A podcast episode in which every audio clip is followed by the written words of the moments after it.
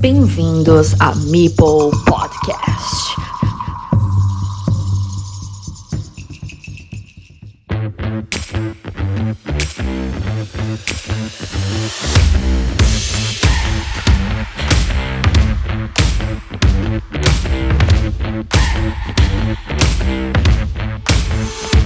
Bienvenidos a la quinta jornada de la Liga Carcassonne Spain, en la cual podemos decir el dicho popular la cosa está que arde. Y es que, menos en élite, en las otras dos categorías se han dado varias sorpresas, tal como se venía desarrollando la competición. Por ejemplo, en segunda, César, que iba como un tiro, perdió contra Alberto, que es uno de los mejores jugadores de esta categoría, pero César iba fuerte y en esta jornada no las ha tenido todas consigo. Pero no perdió dos, sino tres, ya que en el mismo día, pero cuatro horas antes, en arena, se vieron las caras y ya Alberto le metió 98 a 66. Las partidas de liga fueron más ajustadas, 103 a 109, solo 6 puntos de diferencia, y 110 a 101, 9 puntos. Pero todas con algo en común, 15 minutos de juego, son rápidos en mover Loseta y Keko. En menos de media hora tenían ventilado el duelo. Este resultado no descuelga a César, que no había perdido ninguna hasta ahora, pero sí mete en la lucha por la parte alta a Alberto. Difícilmente podríamos decir lo mismo de Depok, que si hacemos una estadística ha sido claramente como un globo de cumpleaños, con el pecho inflado tras su primer duelo en liga, ganando a un recién descendido de élite y desinflándose poco a poco a cada paso, a cada jornada. Hasta ahora la primera victoria ha sido la única y se ha sumado ya cuatro derrotas consecutivas. Todos mis rivales me cuentan que soy duro, pero yo diría que por mí nadie da más bien un duro, porque cada vez flojeo más en competición. Es el podcast este que no me deja, pero casi me divierto tanto jugar en la BGA como hacer estos resúmenes. Por tanto, enhorabuena a iCube que ha conseguido hacerse con su primera victoria, aunque se mantiene el pobre mío en el culo de la clasificación y yo con el ojo. Y también Texe, el único contrincante que ha mordido el polvo con quien os lo está contando, ya que esta semana ha caído ante Roberto Rolente, el finalista de la pasada edición del Campeonato Familiar de Carcassonne en Madrid, la pareja de Valle. Y dejo ya de dar información, no vaya a ser que se me echen encima los de protección de datos, la policía o la Guardia Civil.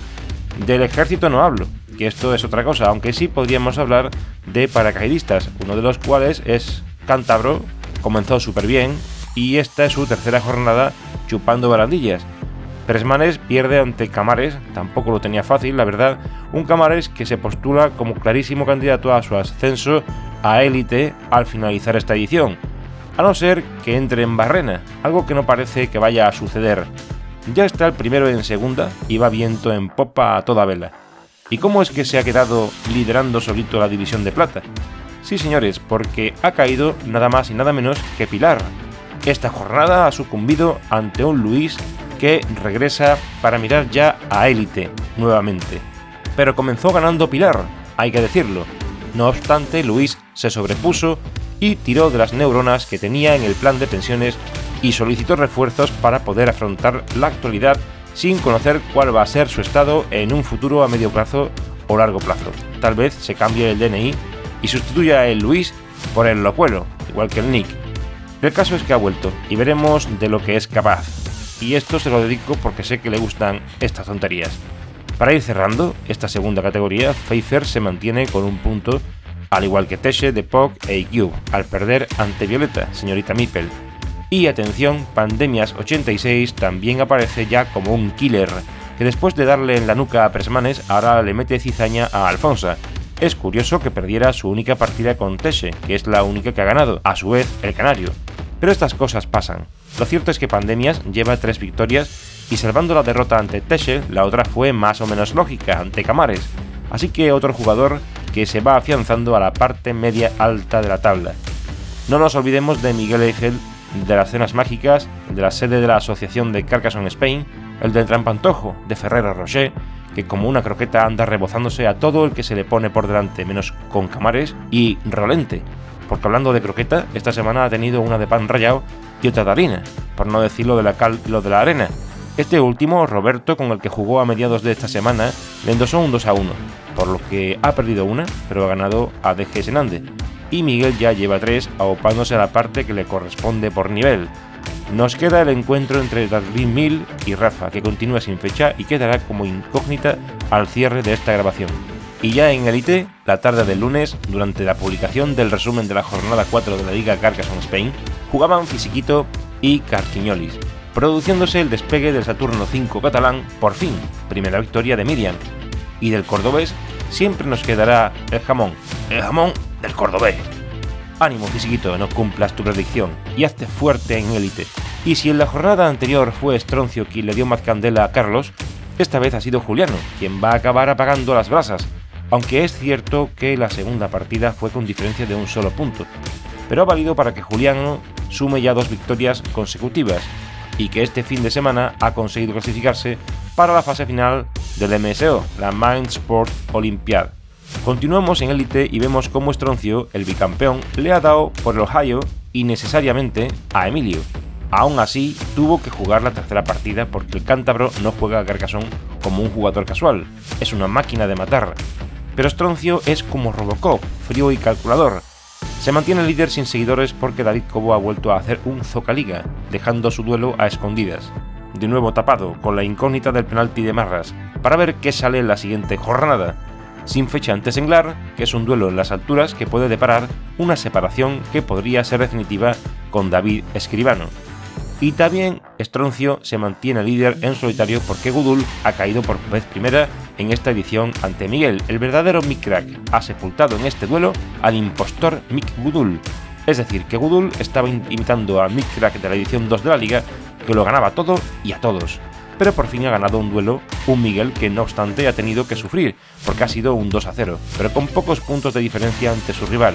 No obstante, se mantiene con una victoria en la cola de la clasificación, aunque le sucede en el farolillo rojo nada más y nada menos que nuestro representante en Essen, nuestro bicampeón nacional Oscar Iris, que ha petado ante Víctor Ciamat con un 2 a 0 en contra, aunque eso sí, también huelga decirlo, con una diferencia en el marcador de 4 y de 5 puntos en cada partida. Muy ajustadas las dos. Ánimo Oscar, queda mucha liga. ¿Y qué hay de los hermanos García y de Manel? Porque Singlar ya sabemos que tiene su partida sin fecha contra Zocanero, y Miriam ha ganado a Fisiquito, que ya lo hemos comentado.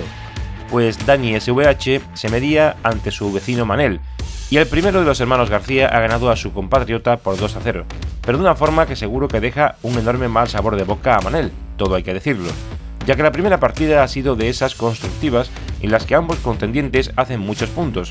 De hecho, la solución del empate final, nada más que nada menos que 130 puntos, hace que deje un regusto amargo a quien ha comenzado el enfrentamiento, que ha sido el caso de Manel, que es quien cuenta como perdedor del mismo.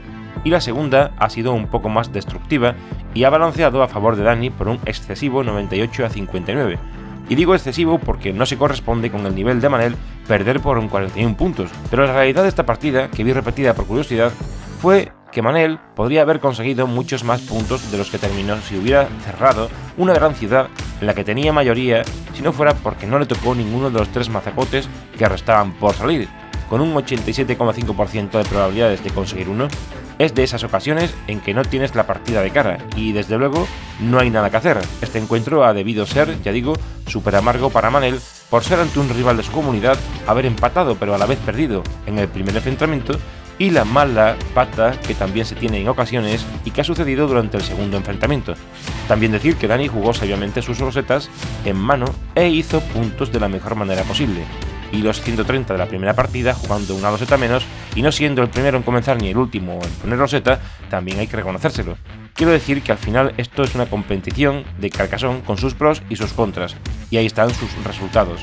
Perseguidor de Estroncio y empatado con Zoka y Gudul. Carolina gana también su encuentro, esta vez ante Fernando Ragarot. Carolina cuando despierta lo hace con ganas, pero no se queda lejos de lo que sucedió a Dani, y ella también ha cosechado una victoria por empate 93 a 93, duelo también ciertamente amargo para Fernando en esta situación donde la segunda partida fue más de cara pero no contó con la ventaja del jugador que comienza, sino con su única desventaja, visto el resultado final.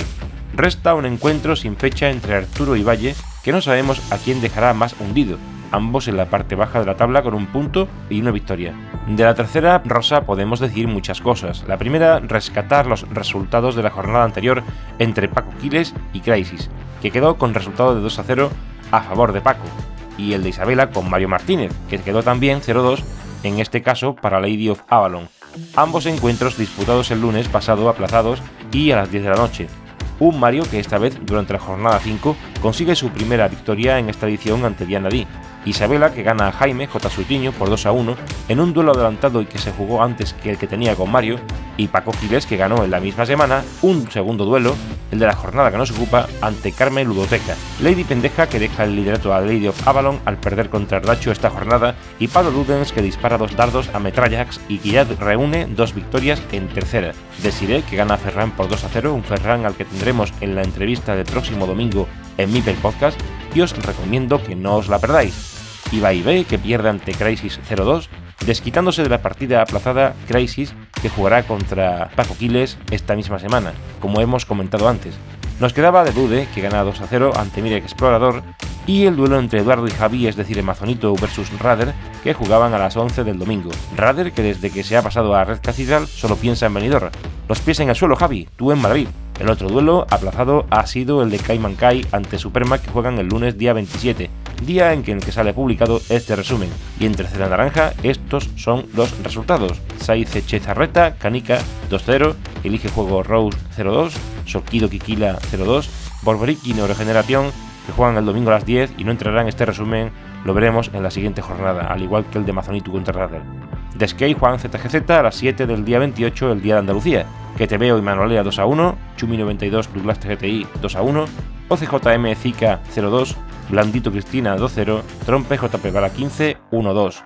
Y las clasificaciones, comenzando por este grupo naranja, son las siguientes: con 4 puntos, Zika 33, Kikila 87, que te veo, JP Bala 15, Douglas GTI, con 3 puntos de Borberiki, Trompe, Saize Chezarreta, con 2 puntos Imanolea, Juan ZGZ, Chumi 92, OCJM, Rose, Solquido, con un punto Blandito, Elige Juego, Cristina Huertas, Canica, y con 0 puntos, sigue sin ganar una partida, Neogeneración. En la tercera, Grupo Rosa, la clasificación es con 5 puntos y en solitario Lady of Avalon, con 4 puntos de Dude, Lady Pendeja y Arracho, con 3 puntos Amazonitu, Superma, Paco Giles, H-Bay, Mipel Explorador y Crisis, con 2 puntos Cayman Kai, J. Soutinho, Lenchero, Pablo Ludens y B, con un punto Campbell Nudoteca y el viernes toca jugar, y con 0 puntos cerrando la clasificación Diana D contra Metrallax.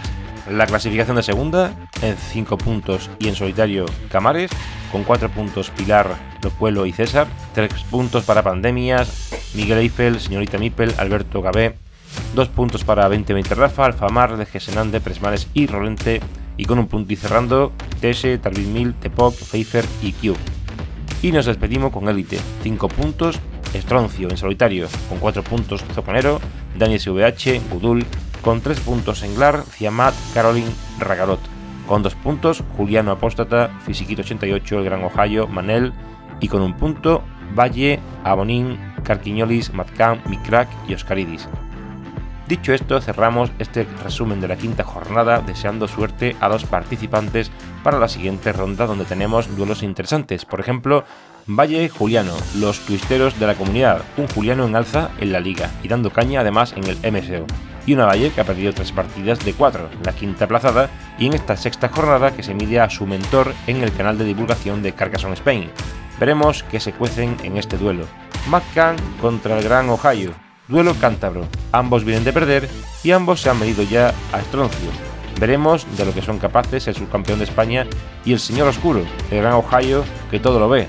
Abonín, Manel, ambos vienen esconocidos de sus derrotas, uno porque gana a poco y el otro porque lo poco que puede ganar lo pierde y de mala manera. Duelo amargo que no de amargados y creo que muy interesante. Uno de esos duelos que no llaman tanto la atención, pero que reúnen todos los requisitos para no dejar indiferentes a nadie y sin duda auténticos macachagadores de jugadores de categorías inferiores. Pero esto es élite, así que abrochaos el cinturón y no os perdáis este duelo. Estroncio Racarot, el artífice programático de Carcassonne Spain ante el gestor de redes de la asociación. Sin duda, el favorito es Estroncio. No es presión, sino que es la realidad. Pero Racarot, ojo, que también puede dar la sorpresa. Y si esto sucediera, subiría al Olimpo de la edición 3 de la liga, porque la partida, el duelo, el enfrentamiento sería recordado y será el día en que un sevillano le dio por saco para siempre a un vasco, y el vasco lo recordará tal vez durante toda la liga, hostia tú. Dani SVH Carquiñolis, un nuevo duelo catalán.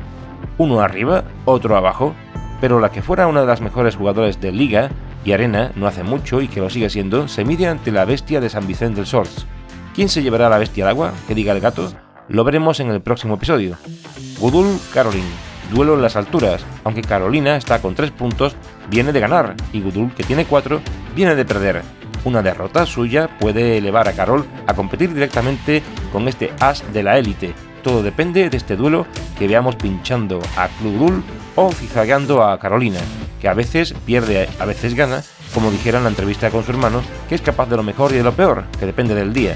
Singlar, fisiquito. Daniel, que tiene 3 puntos, pero con una partida menos, puede continuar su senda hacia los puestos que le corresponden por nivel. Pero también Alberto puede dar la sorpresa ya que es un jugador fuerte que solo necesita estar inspirado para contribuir a la competición, no descolgándose él mismo y dándole acicate si consigue vencer al catalán. Este es el único duelo programado al cierre de esta grabación y será el día 1 de marzo a las 5 y media. Oscaridis Mikrak. Quienes son capaces de lo mejor y de lo peor se enfrentan en esta jornada, que Oscar viene de perder y Mikrak de ganar. Pero que Miguel haga ya ganado en la jornada precedente no le confiere el apelativo de recuperación, pues para ello tendría al menos que vencer este duelo, y yo diría que convencer. Asimismo, ganar otra jornada más para ponerse en mitad de la tabla. Veremos a ver lo que sucede. Zocanero Ciamat, las dos zetas más conocidas y populares de Carcassonne Spain, frente a frente el uno ante el otro. Vuelvo a repetir que Víctor es capaz de todo y puede darle la vuelta a la tortilla a esta liga, pero está claro que Zocanero es un perfil complicado para cualquiera, lo que tampoco significa que lo tenga fácil. El duelo pendiente ante Senglar y este de la jornada 6 ante Ciamat son claves para su orientación en la competición. Imprescindible este duelo, visitable y twistiable, o como se diga. En segundo diría que también caben destacar algunos duelos, como por ejemplo Rolente Presmanes, el primero ganando duelos y el segundo perdiéndolos. Es un gran momento, el primero para afianzarse los puestos medios altos de la tabla y el segundo para reponerse. Veremos qué sucede. Locuelo Pandemias 86, un Luis inconmensurable en sus últimos duelos debe guardar cuidado ante un Pandemias 86 que viene fuerte y que de ganar alcanzaría a Luis para un gran tramo de victorias en estas últimas jornadas. Atención también a este duelo. Por último, destacaría el duelo entre Pilar e IQ, que curiosamente Íñigo haya ganado contra Depok no significa que se vea como recuperado definitivamente, ya que en realidad esto es cosa de la Liga Carcassonne Spain, ya que en arena cosecha victorias por doquier y tiene puntos celos para dar y regalar, pero la presión no puede compilar a pesar de haber perdido ante Luis esta última jornada. Veremos a ver qué se cuece entre lo que había sido hasta ahora la líder de segunda y el farolillo rojo de esta categoría, que está deseando despegar y zafarse del horizonte de tercera. En tercera rosa destacaría el duelo madrileño entre Superma y Radar, Mario y Carlos, es decir, el viernes toca jugar y Mipel Explorador o duelo en las bajuras, y el HB de Dude. De Sire que viene de ganar a Ferran, pero que se enfrenta ante el jugador revelación de estas últimas jornadas y que amenaza el coliderato de Isabela. En tercera naranja, Kanika Kikila, el segundo por arriba se enfrenta al segundo por abajo, elige juego versus Neogeneración, duelo en las bajuras de la categoría, Borberiki y Manolea, duelo en la mitad de la tabla, ambos con 3 puntos, Sky contra Douglas GTI, ojo a David que amenaza el coliderato, pero que juega ante un Sky que le pisa los talones y que de perder con él resultaría de remontarle la tabla. Y el último duelo que destacaría sería el que te veo Zika, duelo en las alturas y ambos colíderes de la categoría naranja. Nos vemos en el próximo episodio.